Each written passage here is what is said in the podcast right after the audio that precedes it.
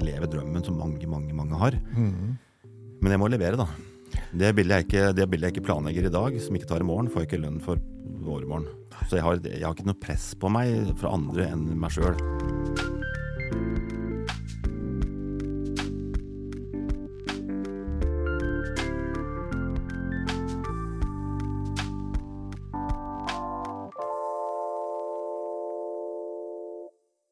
Velkommen, kjære ørevenner, kjære seere, alle sammen der ute.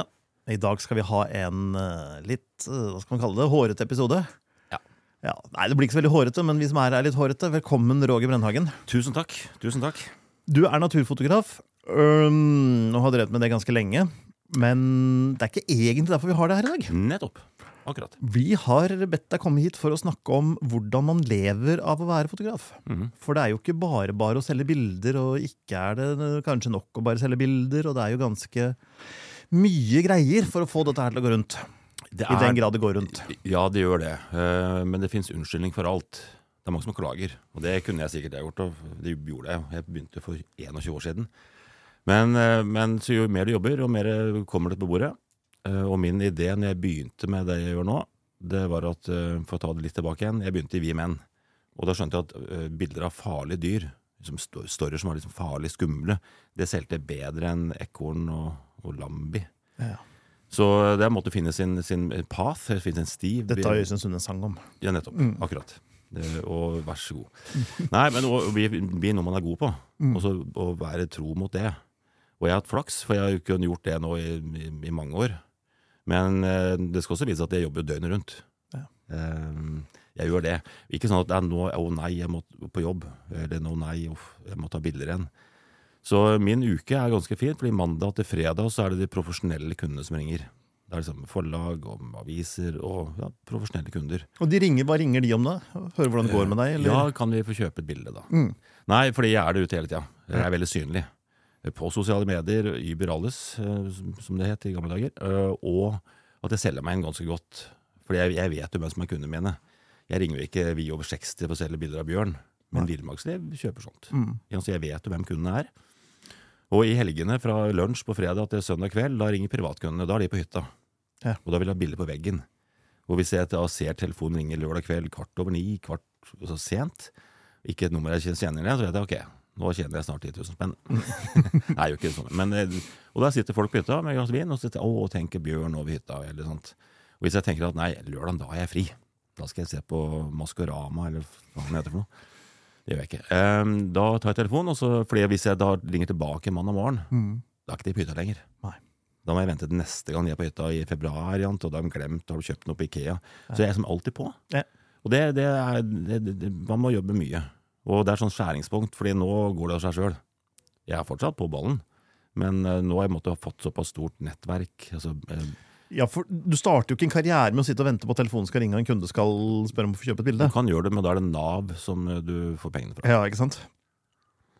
Så hvordan begynner man hvis man er noenlunde nyutdannet fotograf, har et visst talent og en stor drive og lave utgifter? Du blir assistenten min i et års tid, så lærer du alt. Ja.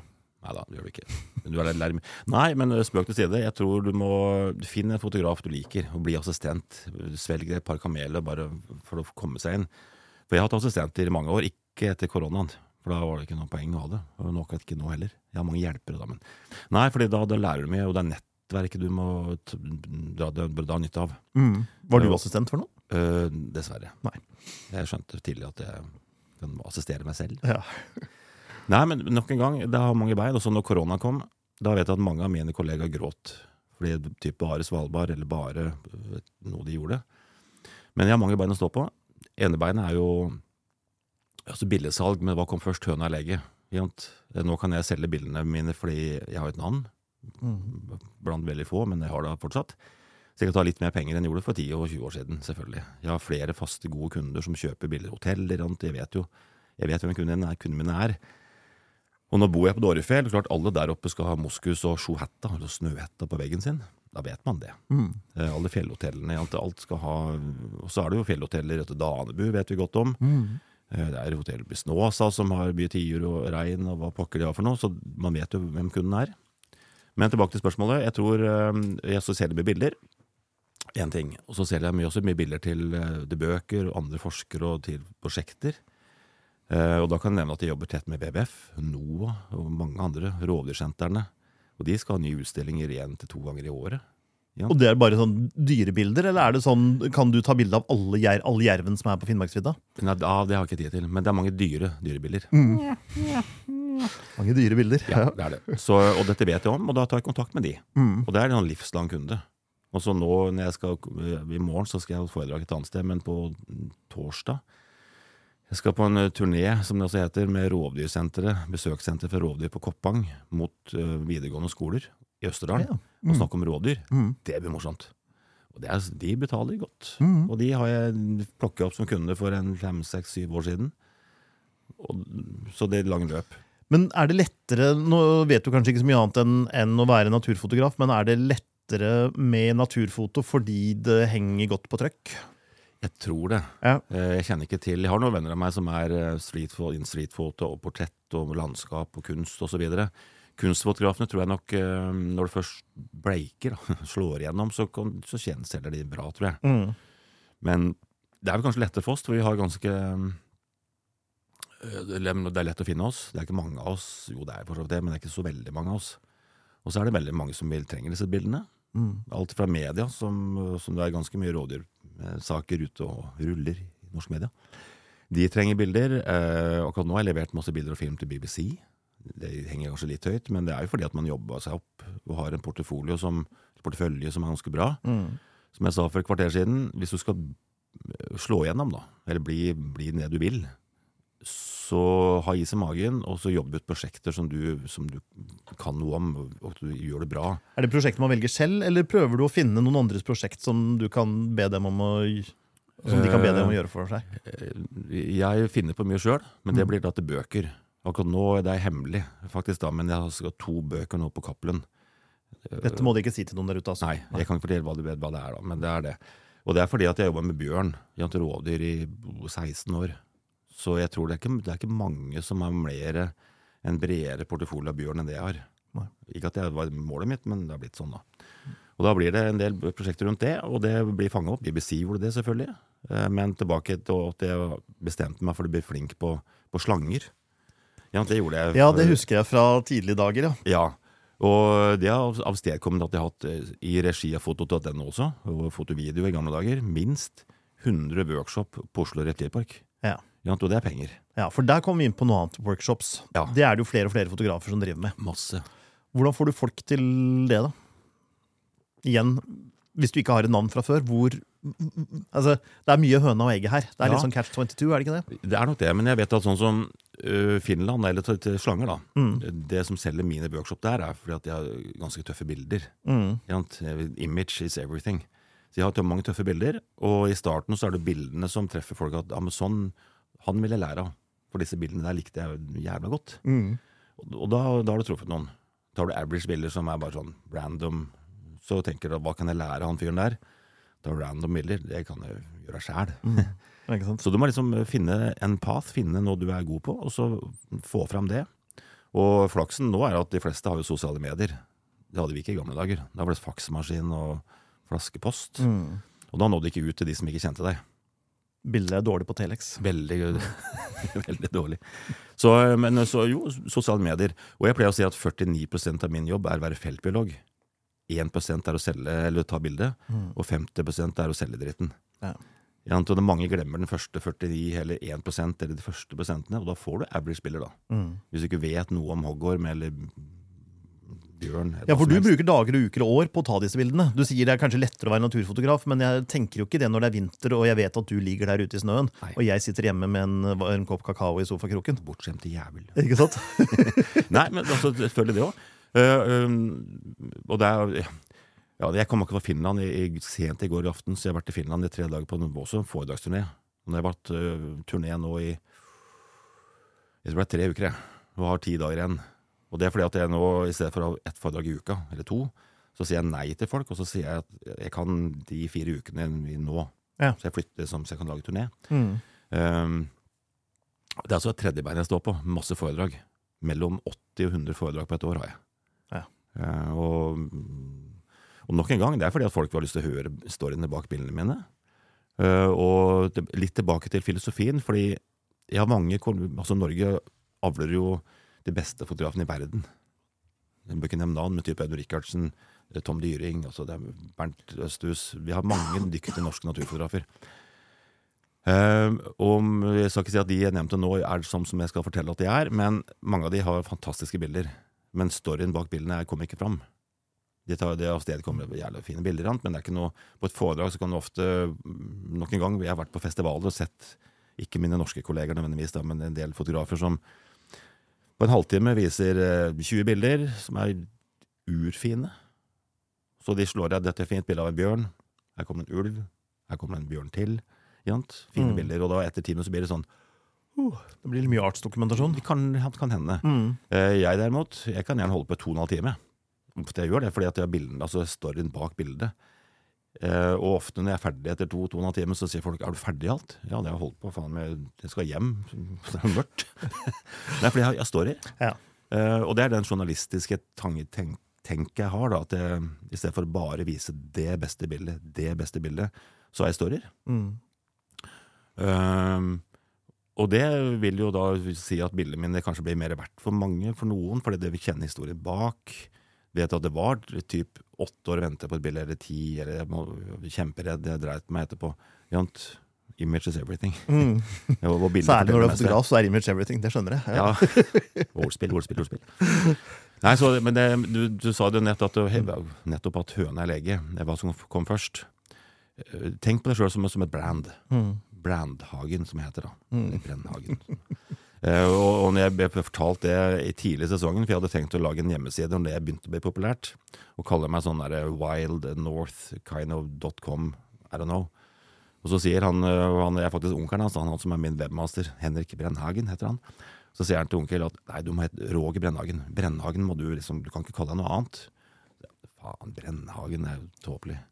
Det er ikke mange av oss, da, så det er ikke så tåpelig. Men han hadde rett et brand. Mm. Så du må tenke som et varemerke. Eh, og hvis du da gjør masse forskjellig i forskjellig, alle mulige settinger, så vil lure folk hvem, hva gjør den egentlig?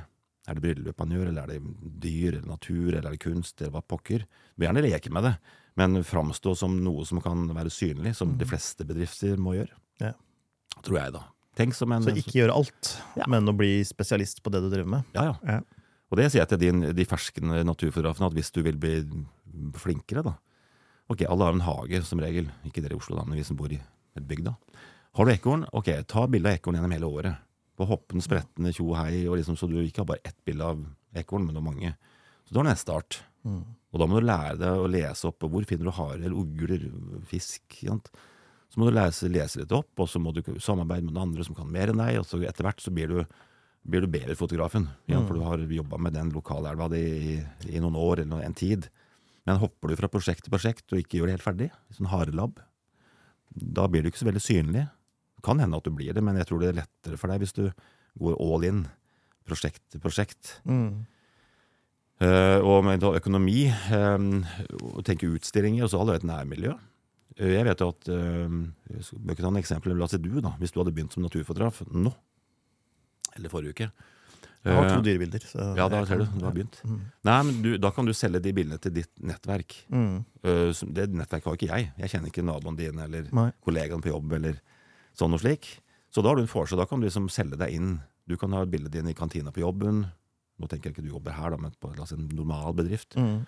Så kan du jobbe deg sakte, men sikkert inn i det markedet. Uh, og der, der, der kom ikke jeg inn, for jeg kjenner ikke din arbeidsplass. Nei. Fiktivt akkurat nå, da. Men, så du har jo en forskjell hyttenaboer Jant, du vet hva naboen er glad i, så ta bilde av det, og så sier du at hei, vil du ha julegaver til familien din?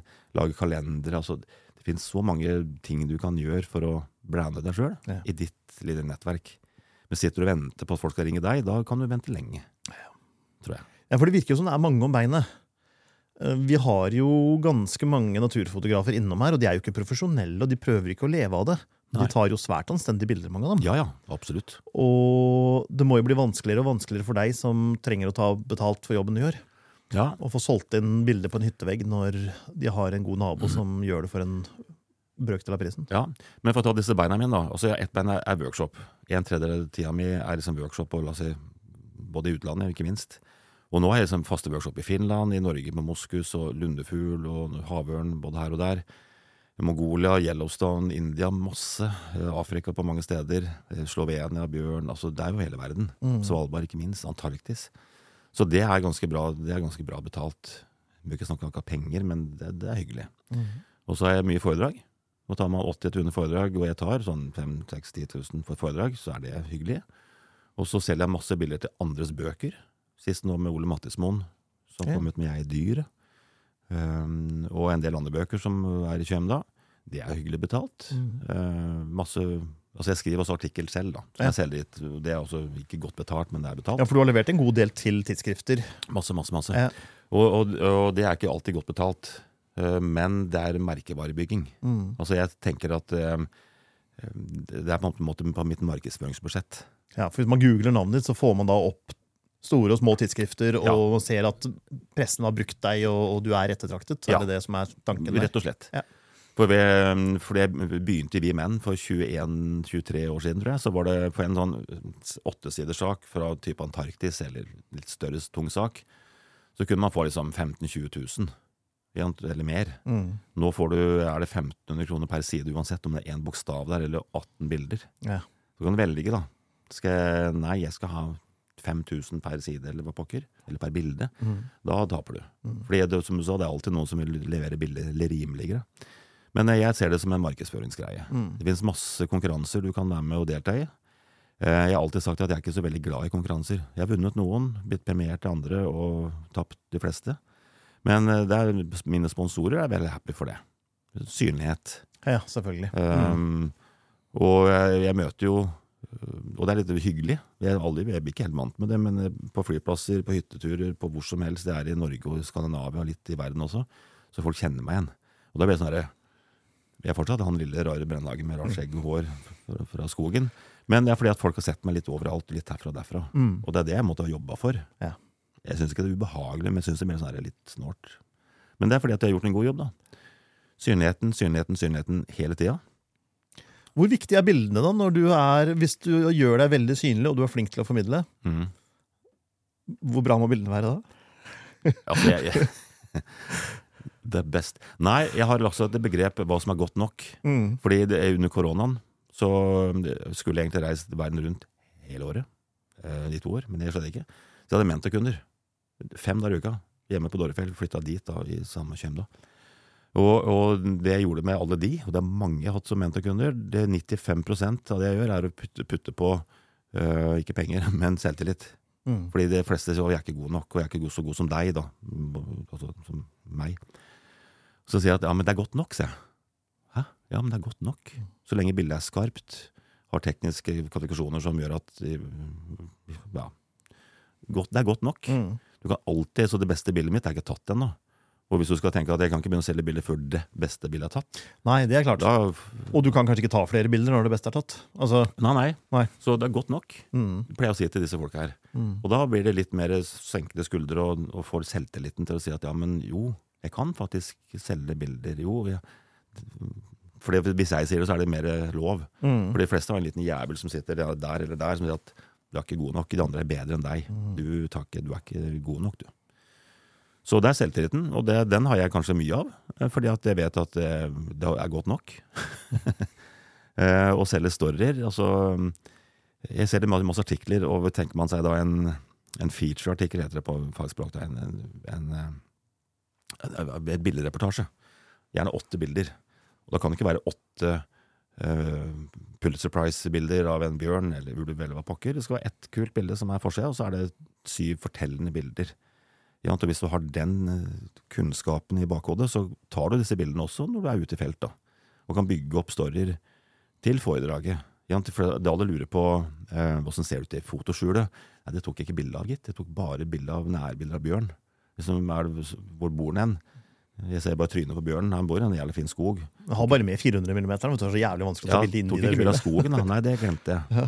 Hva spiser den her? Blåbær. Jeg tok ikke bilde av den som spiser blåbær. Nei, det gadd jeg ikke. Så har du den journalistiske tanken mm. i bakhodet, så tror jeg du er bedre til å, å fortelle historier. Ja. For at bildene hjelper deg langt på vei. Altså, Historien er jo vanligvis det beste bildet. Jeg synes det. Og det viktigste bildet, hvis du ser på gamle bilder, så er det jo ofte heller slett teknisk kvalitet. Ja, ja. Men er historien god nok, så gjør ikke det alltid så veldig mye. Mm. Så, så, det er jo viktig å få med. Får du det ikke ett bilde, så kan du få det med i tre, fire eller fem bilder. Ja.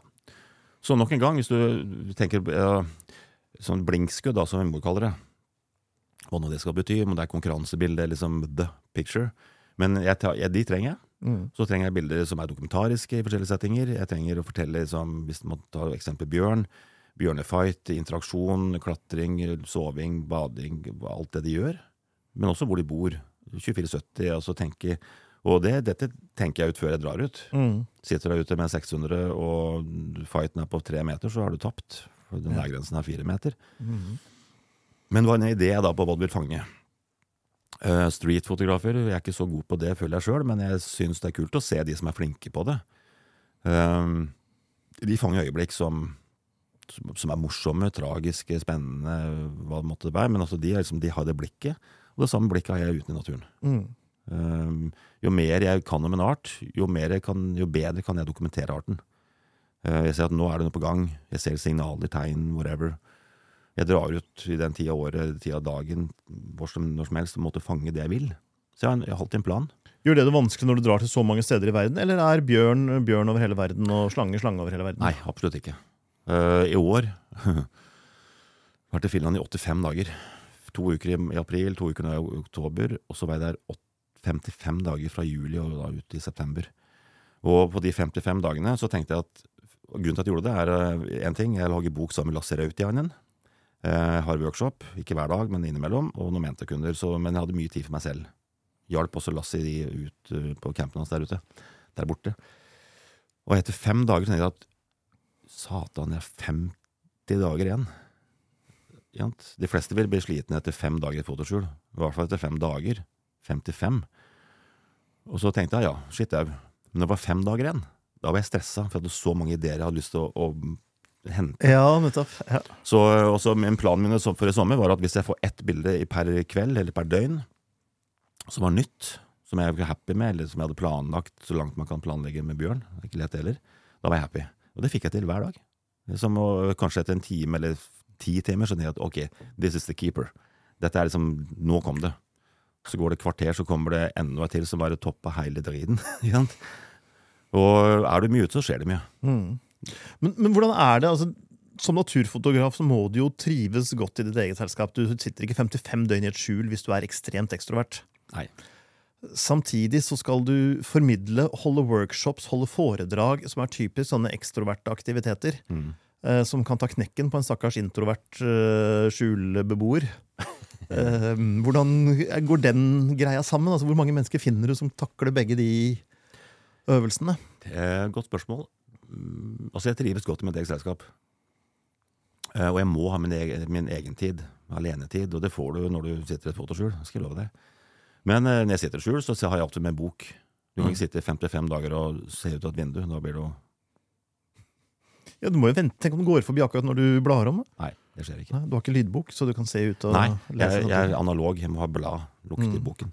Nei, jeg leser en halv side og ser ut. Mm. Og så leser jeg en side til. Og så, ja, men Da har det gått en hel flokk med bjørn forbi ja. mens du har lest en halv side. På tøfler. Jeg, på tøfler, ja. Filttøfler. Myke filttøfler. Nei, uh, nei, men jeg bruker tida godt i skjul. Jeg har alltid med meg en, en blokk. Mm. En, ikke en, det er ikke strøm der, men også skriver. Og, og det surrer ideer. Og mitt problem det er at jeg er for kreativ. Uh, jeg sitter og tenker hele tida på nye ideer, nye vinklinger, nye ting. Gadget. Jeg har lyst til å prøve, teste, mulig. Så jeg blir sliten av det jeg ikke får gjort. Mm. Og sitter i et skjul jeg var nå, forrige uke så var jeg fem dager, tror jeg, jo, i, um, Skjervøy, Hval, sammen med to kollegaer. Uh, og vi kjørte ut i en ribbåt siste dagen, tror jeg, to, torsdag. Og da var det um, åtte turister i samme båt. Så satt jeg for, alene fremme i båten og gjorde mine ting. Og de bak meg kom fra England, og de var sånn her wow, not amerikansk, men marvelous, oh my god. Og syntes det her var helt enestående. Og så begynte jeg å snakke med den ene kona i selskapet, da, i 50-60 år kanskje. Og de var helt, var helt, over seg. Og jeg satt der og kjeda meg litt, da, for jeg syntes det her var ikke så fint. Så jeg sa til henne at jeg er litt, litt misunnelig på at dere opplever det her som så sinnssykt fint som det er. Men for meg var det ikke godt nok lys. Nei. Det var liksom ikke det. Det var liksom ikke helt perfekt. Det var fint. Så jeg ble, man blir bortskjemt. Mm. Så må også det må tenke på at er det godt nok? For de hadde glade kjøpt bildene mine fra den dagen. Som noen også har gjort, selvfølgelig. da. Og det betydde jo noe for dem også, fordi ja, ja. de har tatt på den turen de var på. Nettopp.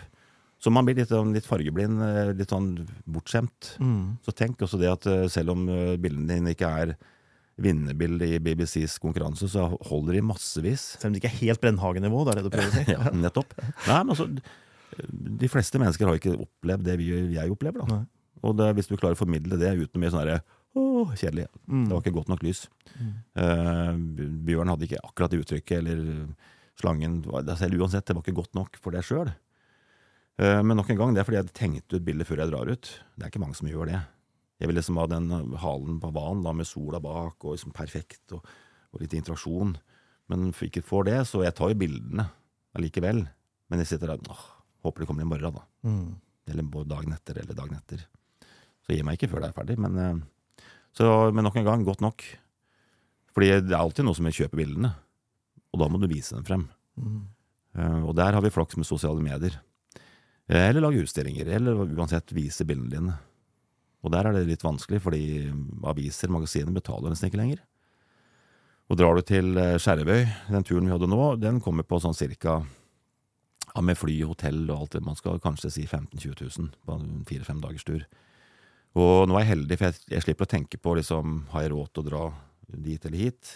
Dette er et prosjekt jeg skal gjøre, levere til, så jeg har mulighet til å gjøre det, selvfølgelig. Men, men uh, selger jeg liksom en fire-fem bilder av disse hvalbilene, så er jeg break even. Mm. Men jeg må også betale husleier og biler og sånn, så det må jo mer enn bare break even. Mm. Men det er litt i forhold til mange av mine kunder, da, som har kanskje én sånn grov fototur i året. Eh, og mange småturer, selvfølgelig. Eh, og de guttene jentene de um, ligger da et år, eller booker kanskje to år i forkant. At neste år igjen så skal jeg til India eller til Mongolia eller et annet sted. Så, og da kan de kose seg med de bildene et halvt år etterpå. Og så føler jeg klar for neste tur igjen. Og de, mange av de som er på tur, jeg merker at de selger jo bilder, de også. Ja. Og de eh, spør jo ofte meg, da. Jeg prøver å få dem inn under vingene mine lite grann. For da vet jeg at de spør meg om jeg kan hjelpe dem med bra print, eller gå inn bilder for dem, og ikke minst prissett bilde for dem. Mm. For der ser jeg at det er mange som underbyr seg veldig. Ja. Fordi, som du sa tidligere, at de trenger ikke å selge bilder.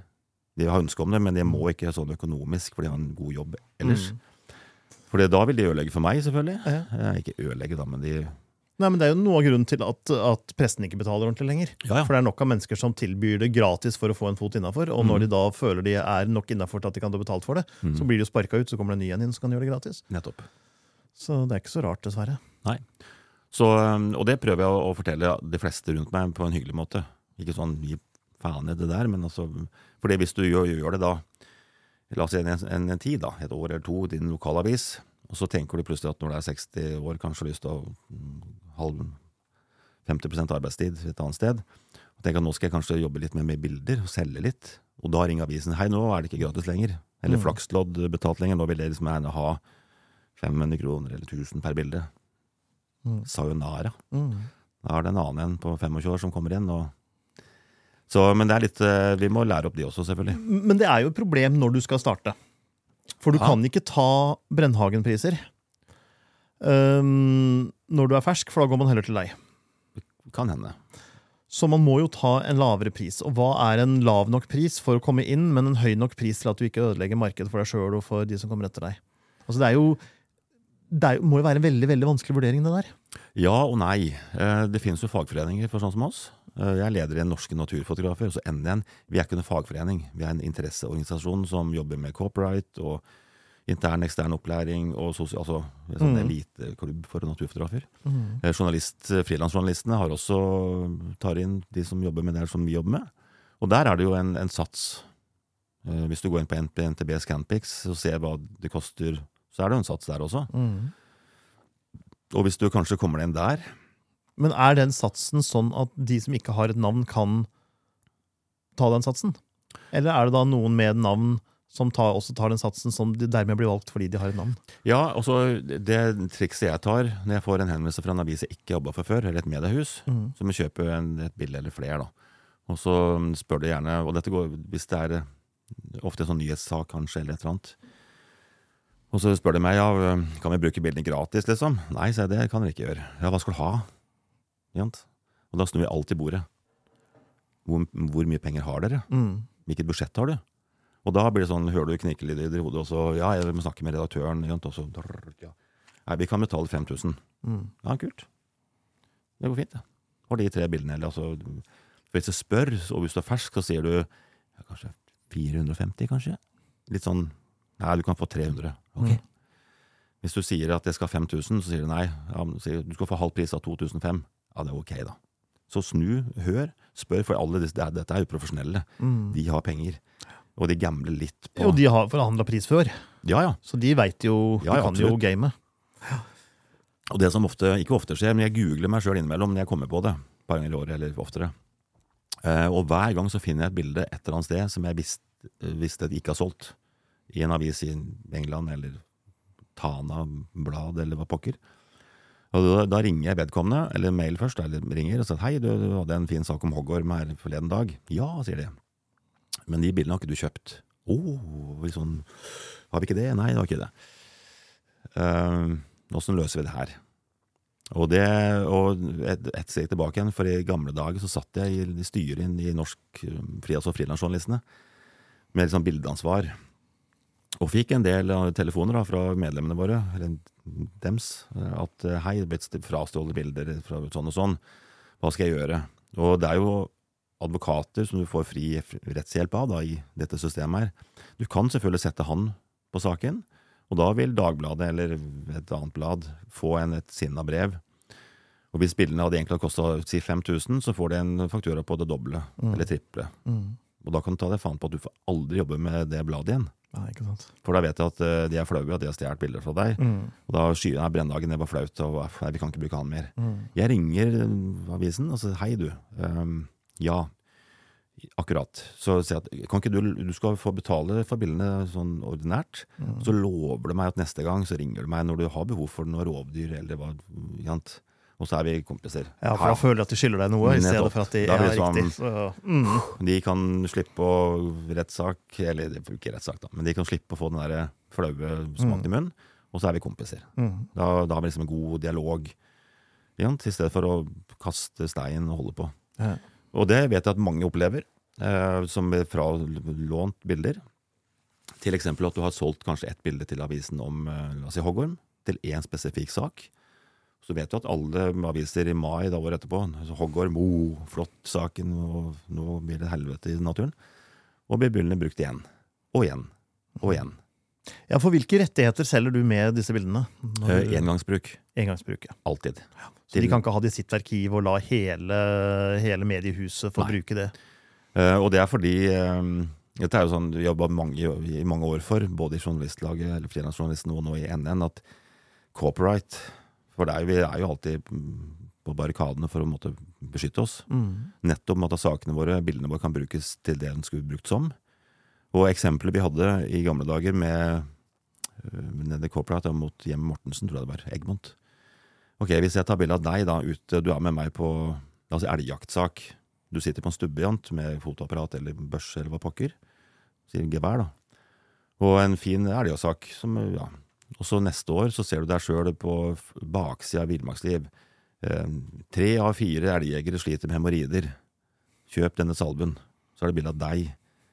Da er ikke du happy med meg lenger. Da er ikke det hyttenaboen. Da, da tenner du på bilen min. Mm. Bilene blir brukt i en annen kontekst. Dette er tatt ut av lufta, men det, det er sånn det kan brukes. Mm. Så nok en gang så kan man selge bilder til lokalavis, eller uansett, så sier du at dette er engangsbruk. Og da vil det stå da i info exif-dataen på de bilder på denne datasystemet de har, bildearkivet, at ok, skal du bruke det bildet av det dyret, så ta kontakt med fotografen. Mm. Og det gjør de. Eh, men nok en gang, jeg googler meg sjøl og finner bilder som er blitt tatt ut av konteksten inn i en annen. Og da er det bare å ringe opp og si at hei, show me the money. Ja. Så etter du har solgt det til avisa, så kan du også selge det til en hyttevegg? ja, ja, kan, absolutt. absolutt. Ja. Noen ganger også BBC. Godt eksempel. De har kjøpt ut eh, både film og bilder av meg til den Wild Scandinavia. Og da har de kjøpt ut billedrettighetene på disse promotion-bildene, da. Markedsføringsbildene. Eh, og det er for jeg mener det var tre år. Eh, jeg kan selge de til deg på hytteveggen din og annonse for foto.no hvis du hadde lyst til det, men ikke til NRK eller Discovery eller til et annet TV-selskap. Så det er begrensninger. Jeg har solgt noen få bilder i mitt liv som de vil kjøpe billedrettighetene til for evig og alltid. Mm. Og jeg skal ikke si hva det var, jeg, men si at det var en pingvin, da. Og det er noen som har en pingvin i malingslogoen sin. Jo, mm, aldri hørt om det. Nei, nei men det nei. Mm. Og, og, det er greit nok, det, for jeg har 10 000 bilder av pingviner. Mm. Fra en annen vinkel, altså et annet sted. Ja. Så det er helt greit, det. Mm. Eh, og da kan du ta liksom 30 40 50 60 000. Ja. Eller mer. Ja. Kommer an på hvor mye penger de har. Så det er litt, litt, forskjellige nivåer, men det er veldig få som gjør det, da. Mm. Dessverre. Et bilde det prises etter kjøpers betalingsevne og villighet? Ja. Og det, og det, fine med å selge bilder på vegg, da fordi selger man bilder til aviser, så er det sånn standard 1750 pluss moms, 2005 pluss moms. Og det er sånn Er det forside, er det mer penger? Er det en, en avis eller magasin med færre enn 10 000 seere, mm. så er det en annen. Dette finner man på frilansjournalistene, på frilanskalkulatoren, så står ja. dette ganske godt. Samme vil du se også på NTB Scanpix. Billedbruk. Er det til en intern annonsering eller ekstern på nett, nettavis osv. Så, videre. så legger man seg litt, litt der sånn. Uh, men hvis du bildet fysisk, altså um, på print, mm. så skjønner jo folk at da koster det mer. Mm. Det er liksom et hardcore noe du holder Ja, for du skal jo jobbe med å få den printen riktig. Og, ja, ja, ja. Så jeg selger nesten aldri bilder som en billedfil til noen, og de kan printe sjøl. Og, hvis kunden bor i New Zealand, så har jeg gjort det. Ja. Men Nei, for da har du jo heller ikke kontroll over Nei. det som kommer opp på veggen. Nei. Jo, bortsett fra jeg har gjort det et par ganger, og hun første ble sånn Og det er gjerne via Instagram, da. Hun kjente ikke meg, men hun ville ha dette bildet på veggen. Så sier jeg normalt sett at eh, hun skal ha det i 9130, og sende det med glass og ramme fra Norge. Mm. Det koster mye penger. og det blir knust halvveis. Mm. Og da sier jeg ok, du, du kan, normalt sett gjør jeg ikke det her, du skal få lov til å selge og printe sjøl hun bodde. Men når du har fått det på veggen, så send meg gjerne bilde av det igjen på, over sofaen din. Mm. Så vi har litt, litt, sånn personlig kontakt. Og det, det gjør de, da. Mm. Men om hun har printa 50 til og solgt til hele nabolaget sitt, det vet jeg ikke. Nei, Men uh, Så jeg stoler på folk innimellom jeg gjør det. Mm.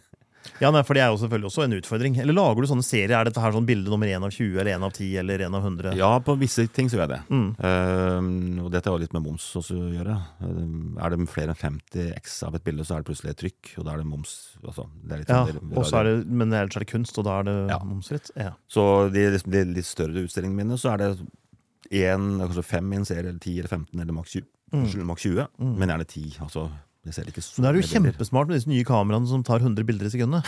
For da har du jo ti nesten helt identiske bilder. Nettopp. Og da kan du ha 20 av hver. Du kan det. Uten at det blir uh, trykk. Ja. ja. Så David da, eller de storgutta som tar enda mer penger, de gjør det der, da. Mm. Men altså, jeg er ikke der ennå. Men for all del, bildesalg på vegg er nok det letteste å tjene penger på, tror jeg. Ja, i din nisje. Ja, jeg tror nesten det. Mm. Fordi de fleste er jo glad i disse dyrene våre. da. Mm. Mange elsker ekorn og harer og søte rever holder på. Mm. Og nå, mange av de mentorkundene som jeg har vært, hyggelig, eller vært heldig med å jobbe med, de uh, har lagd kalendere. Og det er sånn lett å lage. Og så tjener du kanskje en, litt penger på det. Eller sånn julemarkeder og utstilling på biblioteket sitt eller på der de bor. Mm. Og selger da det småprint til en hyggelig pris, og så kan de komme og fortelle kona si eller mannen sin at nå har jeg tjent penger på det nye kameraet mitt, så kan de kjøpe mer utstyr. Ja, ikke sant? Da blir foto.no glad. Mm. Så det er, eh, klart, det er noe med selvtilliten å kunne selv, å se bildene sine på veggen eller på trykk, og kjenne liksom at man får litt igjen for hobbyen sin. Eh, men dessverre da, så er det mange som da gir bort bildene gratis for å komme i avisen sin. da, Syns det er litt stas. Mm. Og det kan jeg skjønne, mm. men du tjener ikke penger på det. Nei, og de som kommer etter deg, tjener heller ikke penger på det. Nei. For da kan jo fort ting være ødelagt ja. for lang tid. Mm. Men um, har du en kan man si, en, en, kommersiell virksomhet og en kunstnerisk virksomhet. Har liksom, nå er jeg ute og tar bilder for det prosjektet, men mm. neste uke da skal jeg bare kose meg med å ta de bildene jeg drømmer om å ta.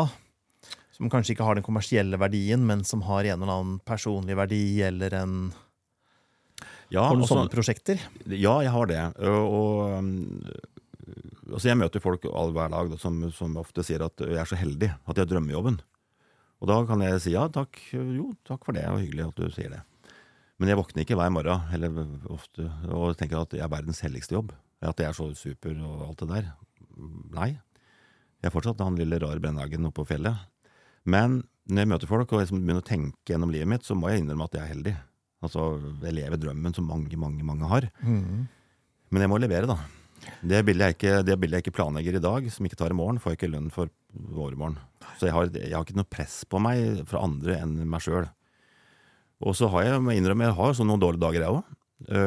Jeg kommer hjem nå 15. desember. Det går ett jævla race fram til da.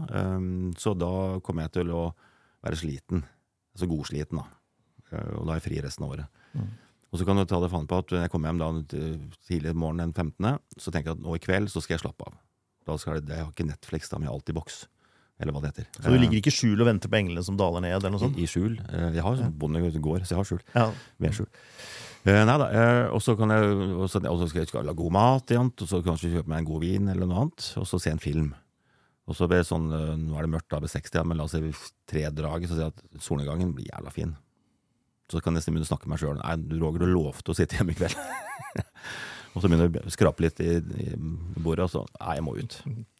Og så kan jeg da kanskje ta tre sånne dager hvor jeg tar elgrunden min, som jeg kaller det. Sånn tre timers fototur i mitt nærmiljø oppe i Dårefjell, eh, Folldalen-distriktet. Og så på lørdag, hvor det er som best værmelding, så tenker jeg at nei, nå gidder jeg ikke å dra ut. Jeg har vært ute tre dager, og kanskje en dårlig dag i tillegg.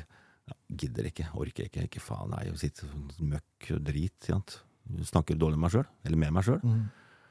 Og nesten hver gang det her dukker opp, jeg er ikke ofte sjøl, men det skjer, så sier jeg at Roger, nå setter du deg i bilen og holder kjeft, så drar du ut.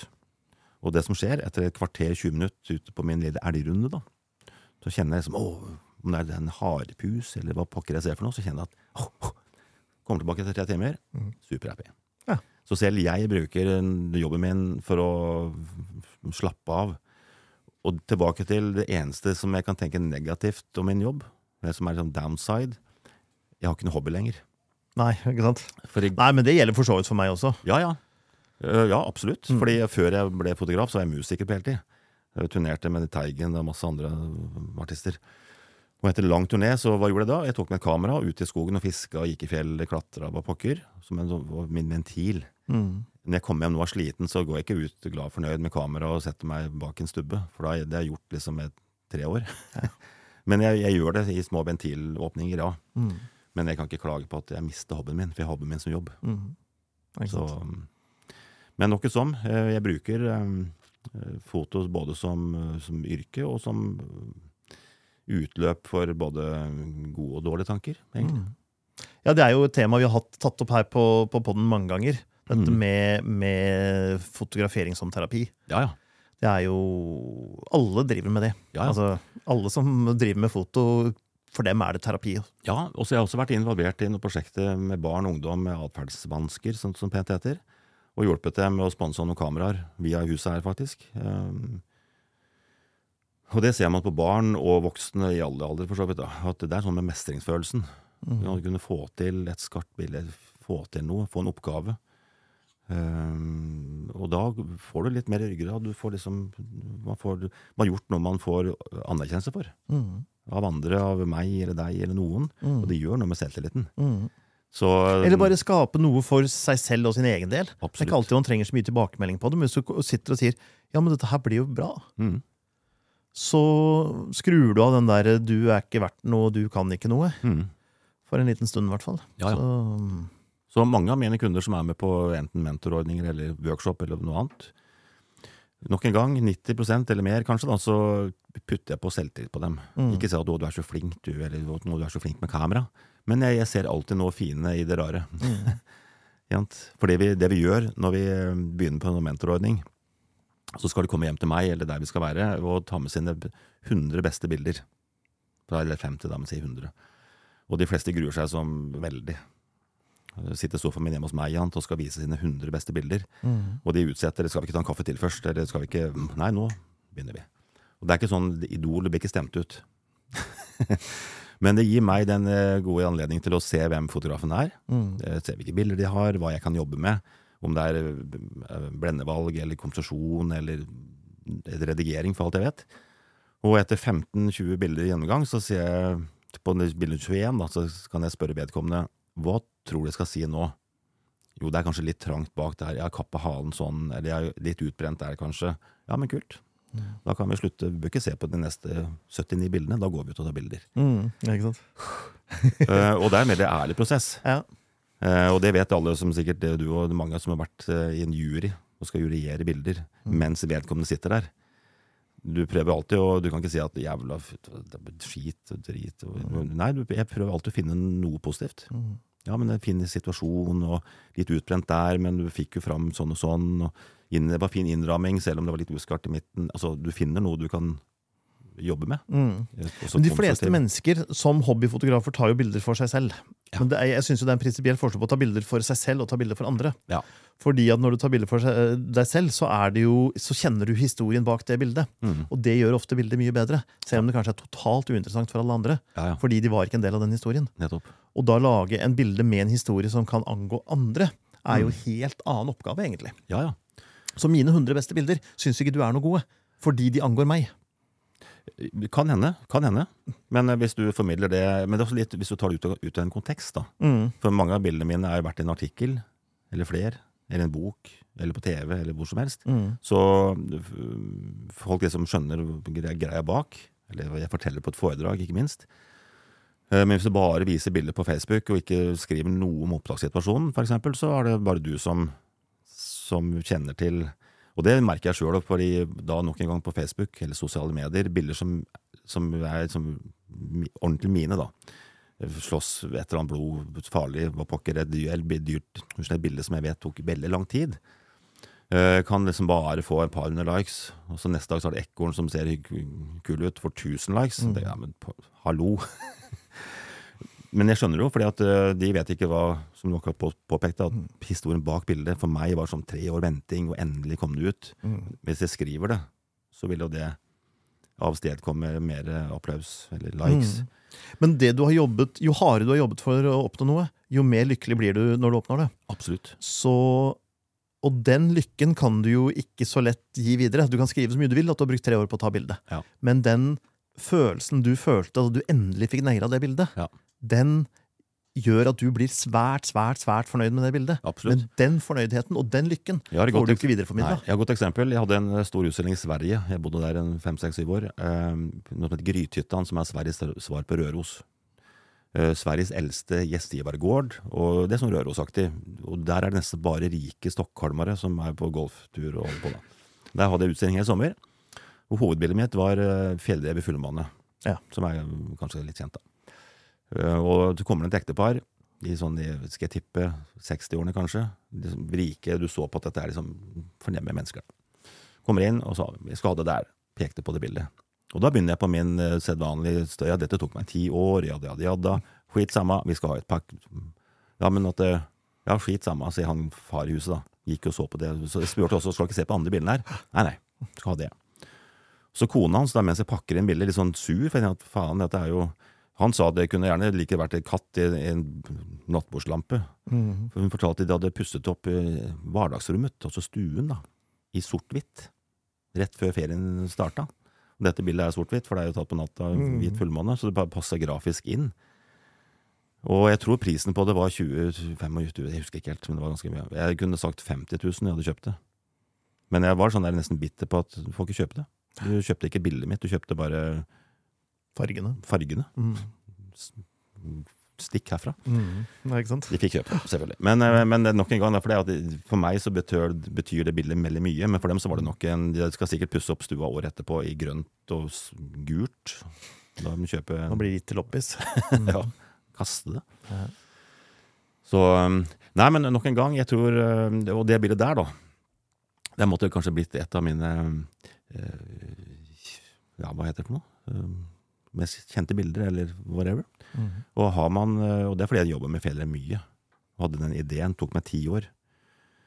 Mange har kanskje ikke den tålmodigheten å vente tida på et bilde som skal fortelle hvem du er. Håper jeg du gjorde noe annet i mellomtida også. Nei, satt bare og ventet. Bare ja, ja. Mye venting. Men nei, men også at du Og klart, det bildet tar du ikke by accident. Oi, en fullmåne og en fjellrev, gitt. Mm. Hvor er kamera? Mm. Men du planlegger. Mm. Så jeg sier ofte at har du en plan, eller er det planløst? Og har du en plan, så kan du nok en gang, til de som bor der de bor, kalender. Ok, du tar ett bilde hver måned. Januar, februar, mars, Jant.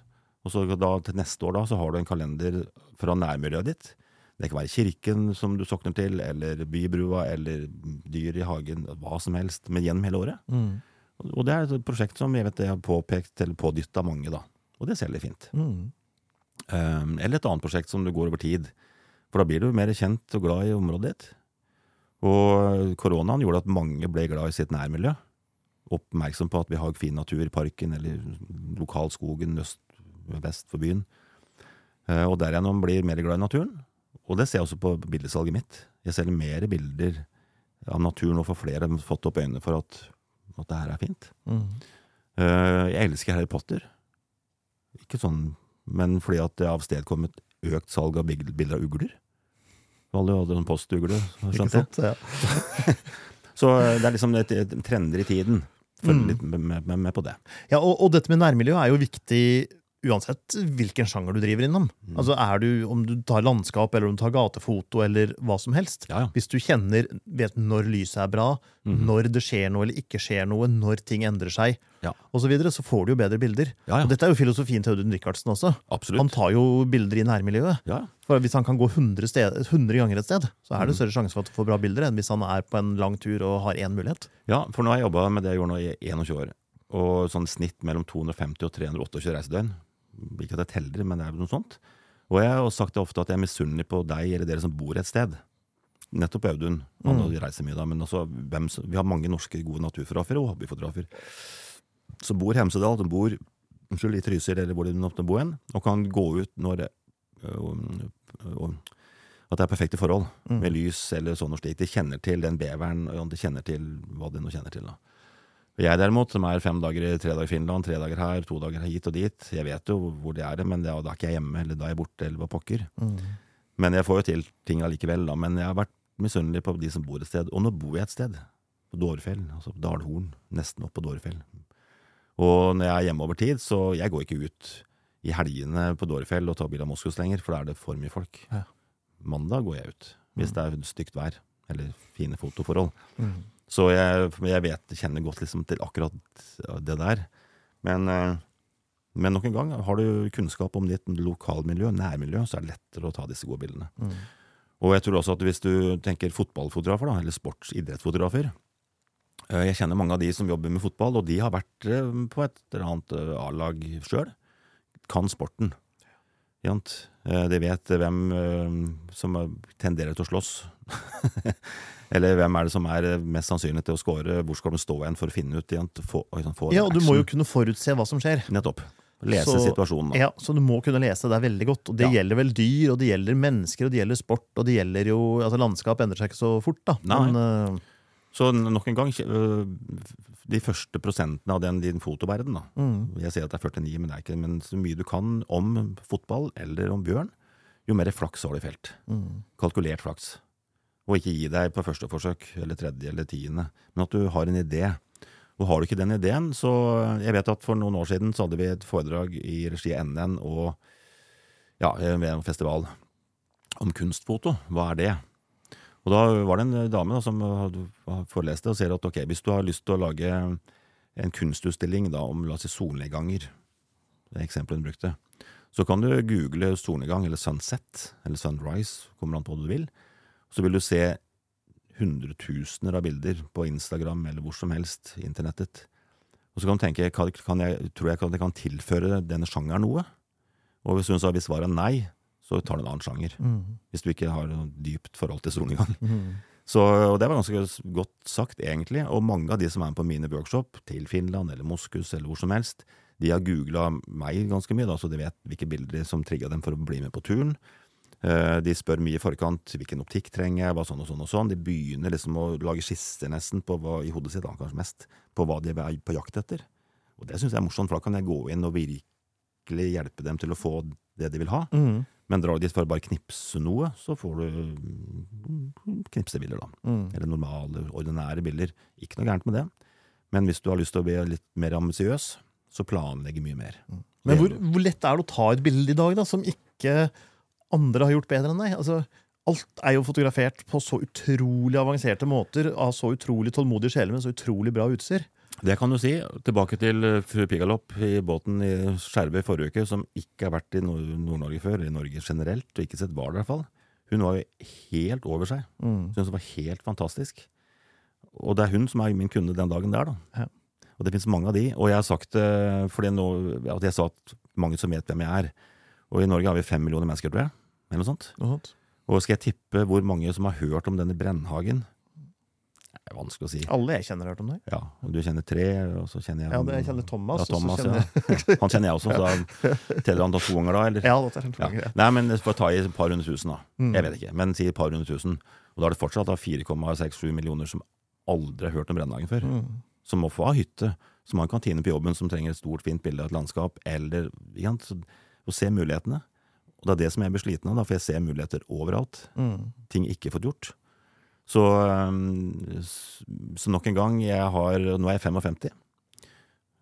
Har, har blitt meg fortalt. Um, og jeg hadde en hyttetur med noen gode venner av meg for noen uker siden.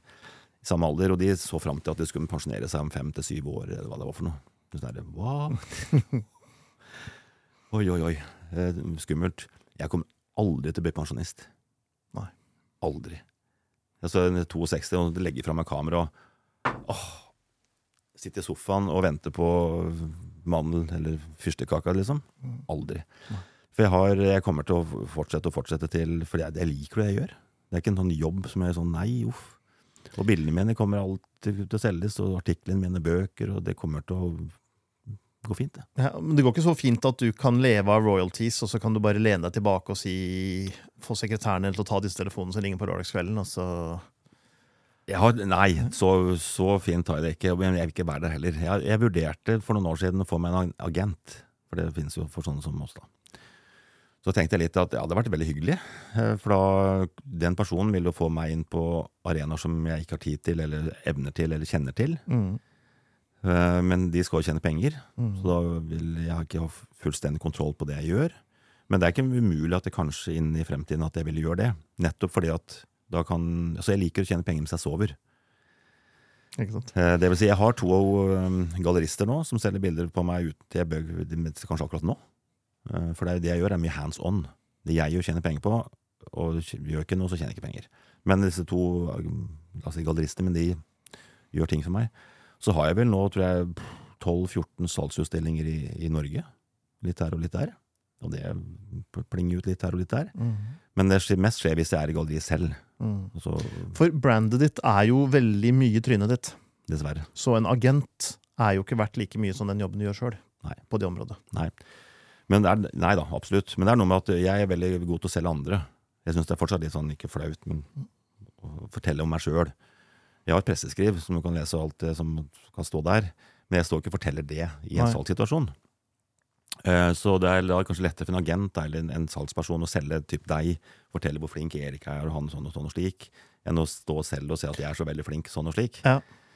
Men eh, nok en gang, det er bildene våre som selger. Mm. Trynet mitt litt, litt, kanskje. Men hvis noen men... kan ringe deg og snakke med deg, ja. så er det jo også en mer sånn personlig opplevelse for dem. Ja da enn hvis vi bare snakker med en agent. Og du er sånn utilgjengelig, fjern, sånn hotshot, du, ja, du er den typen. Ja, nei, men da kjøper jeg heller av ja, ja, og du var rett, for for noen år siden så hadde jeg eh, sånn Du kunne kjøpe bilder på min hjemmeside.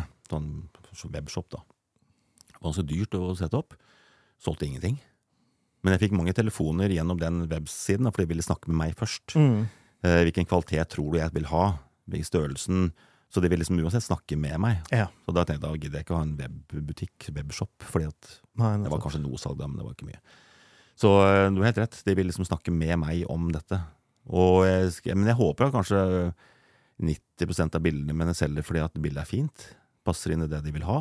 Og så er kanskje de ti siste prosentene fordi at det står Brennhagen på det. Mm. Noen syns at det kan være ålreit. Veldig hyggelig, mm. men det, jeg håper at det er bildene mine som selger, og ikke nødvendigvis meg. da. Men at navnet mitt kan, kan øke prisen. Ja, men ikke sant? Hvis du har en form for kjendisstatus, så har de snakket med en kjendis. Jo, jeg prata med han med Rogeren her om dagen, og han øh, Jeg er jo venner med han på Facebook, selvfølgelig. Jeg sender jo, ja, ja, bursdagshilsen fra Brennhagen. Ja, ikke sant? Så, det, så, blir det noe annet enn hvis du er en eller annen fjern person bak et agentbyrå. Absolutt. Absolutt. Uh, det er det. Men det, er nok en gang uh, å, å, å, brande seg sjøl. Mm. Å være så tøff i trynet. For det er nok en gang tilbake til mente kunder, som er litt sånn sårbare, kanskje, i noen av dem. Så sier jeg lag en side som heter naturfotograf uh, Per Persen, eller hva det heter. da. Jeg kan ikke kalle meg naturfotograf, jeg er liksom bare, bare Per, liksom. Ja, men du vil jo selge bilder, vil du ikke det? Mm. Jo. Da må du vise deg fram. Du må tørre å stå på torget og si at jeg er fotograf. Det er en tittel som er ubeskytta, så alle kan kalle seg fotograf. Men hvis du ikke kaller deg fotograf, så er det kanskje vanskelig å, å synes da, på torget. Mm. Så du må liksom ta et steg og, og tørre å stikke fram hodet ditt. Og det gjør jeg bevisst, og ubevisst, men mest bevisst, selvfølgelig. Uh, og det har, etter mange års hard jobbing, så kan man nå sitte og, og, være hyggelig gjenkjent på flyplasser og på hytter og på fjell og hvor som helst, fordi at folk har hørt om og sett, kanskje, og syns det er stas. Mm. Og det syns jeg er stas sjøl òg. Litt uvirkelig, men jeg syns det er stas. Det er. Det er ikke så mye groupies at det blir slitsomt? Dessverre. Nei, det skjer ikke. Uh, så vidt jeg vet. Nei, jeg gjør ikke det. Nei, men det, det er uh, en merkebærer. Og da, nok en gang, hva skal du være kjent for? Uh, og hvis du har tatt gode, fine bilder, gode, fine storyer, og kan vise dem fram, så er det greia. Men et av de mer kjente bildene dine i senere tid er jo dette fra fuglefjellet med all plasten. Ja. Men det er jo ikke et som folk henger på hytteveggen. Det, jeg håper det. Ja, men jeg tror nok ikke det er det i så veldig stor grad. Det henger på, på Smithsonian i Washington. Ja. Men det er ikke i stua nå. Nei, det har du rett i. Og det er en viktig, eh, veldig bra du tar opp, fordi at eh, ti-tolv år siden så begynte jeg med disse bildene også. Jeg har vært på runde mange ganger for det. Men da fikk jeg liksom disse bildene, og fikk avisene med på laget. Så, og det, det sendte jo sjokkbølger inn i fiskerinæringen, da, for de mente at dette er jo ikke Voss som har gjort dette. Er er noen andre, det er, de utlendingene. Så de bildene på første runden de har avstedkommet at det har blitt strengere retur, altså panteordninger for fiskebruk. Og da snakker vi. Da har, da har bildet Da har joik Nei, viktig, hva heter det? Joik er viktigere enn ord. Nei, Joik har større kraft enn krutt. Sånn var det bare. Ja. Takk. Eh, viktig å ha sitatene i orden. Um, og det gjorde at navnet mitt i alle norske aviser, og svenske og danske og The Guardian og overalt. Og klart, da er bildet mitt, eller navnet mitt, smurt utover det også. Mm. Og da blir det interessant for andre aviser. Det ringer for neste, Dette har jeg gjort hvert år i de siste ti årene. Selv inn det samme storyen. Kind of. Og da treffer jeg liksom et annet marked igjen. Og, for jeg er jo også en, i, i bunn og grunn en journalist. Og jeg, jeg selger jo bare de vakre bildene mine, forhåpentligvis. Men jeg kunne selge disse storyene, viktige storyer, og nå er vi inne i en, en tid med hvor naturen sliter på alle fronter. Gammalskogen og alt mulig annet morsomt. Vindturbiner osv. Å kunne dokumentere det og ha en stemme. Ikke bare være anonym bildetager, men ha en stemme. Mm. Uh, og engasjere seg i altså Vi har Biofoto, som er en forening for naturfotografer. Det finnes mange andre foreninger, Ornitologisk forening, som nå heter BirdLife Norge. Uh, eh, NN, som jeg er leder av, Norske naturfotografer. Å kunne jobbe sammen med, med flere utover ditt interessefelt, eller i ditt interessefelt, mm. som er mer synlig. Og tørre å være litt frampå. Mm. Hvis vi skal oppsummere, så trenger du også være, i tillegg til å være fotograf, så må du være naturmenneske, hvis du skal være naturfotograf, i hvert fall, og like kulde og ensomhet. Ja. Du må være selger. Du må like å stikke fram trynet. Du må være aktivist. Du må være Ja. Ja, ja gjerne.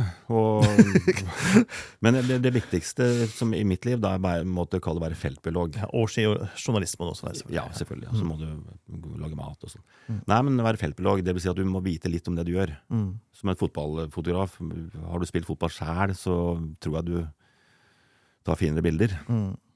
Eh, og kunne, måtte det, de kunne være litt opplest, da. Lese det opp.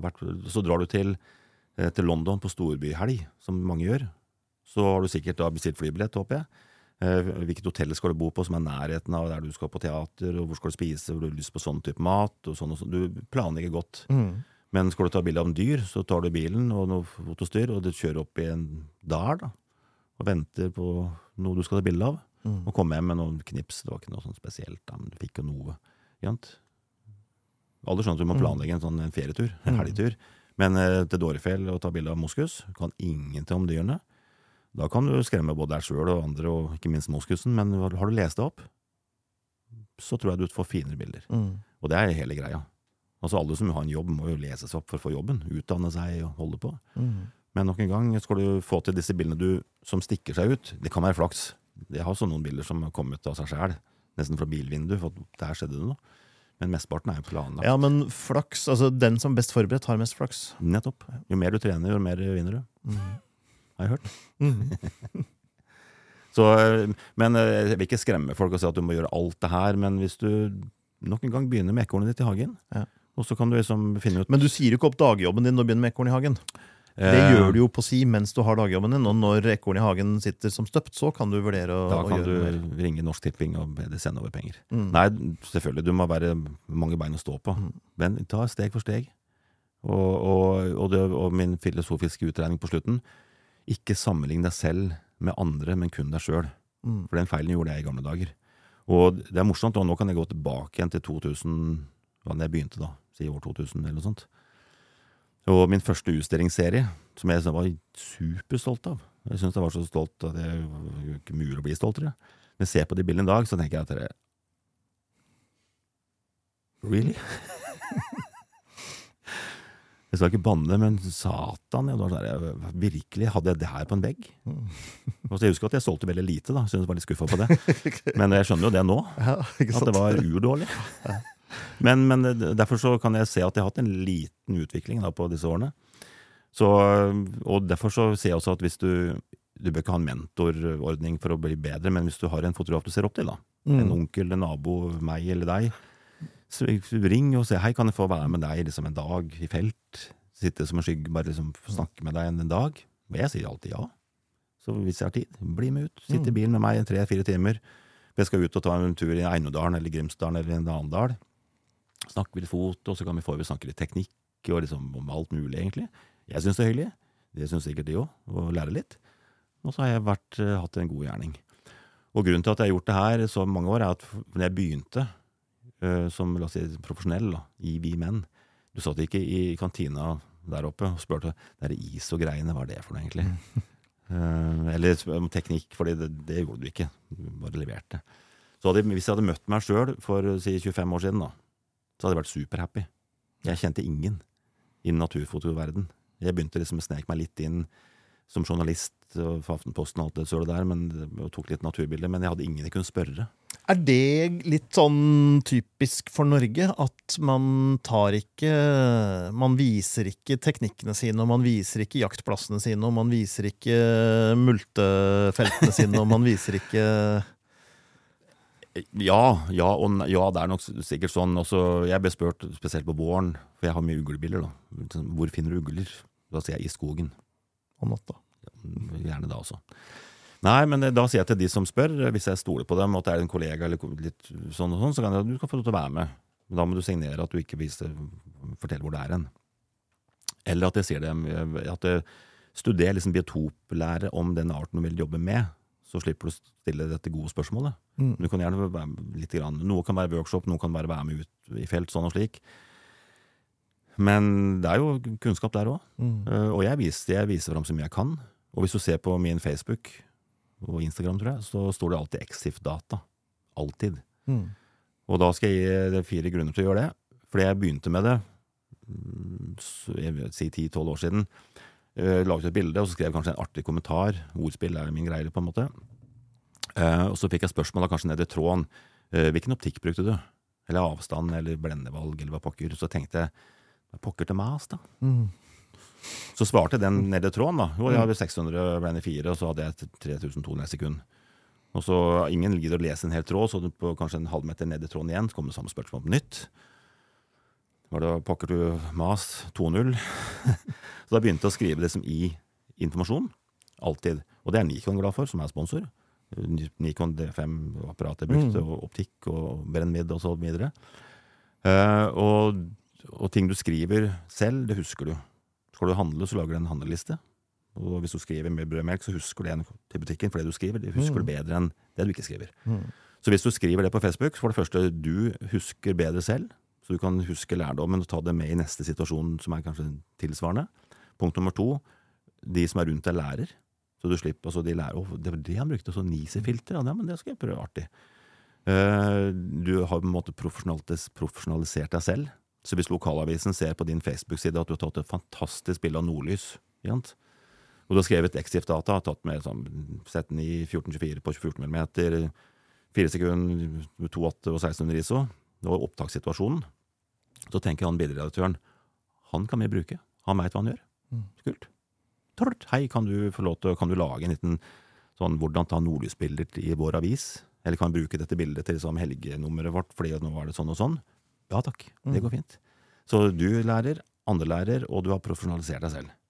Og hvis du i tillegg da kan skrive litt om opptakssituasjonen, ikke nødvendigvis at ugla bor akkurat bak låven på Stubberud, men om arten, og ikke da gå på Wikipedia og kopiere liksom Lappulven er en fugl som lever i norsk skog og veier to kilo. Men skrive litt om, om, Du kan ikke finne opp ny kunnskap, ny fakta om en ugle, men du kan skrive litt om det. Mm.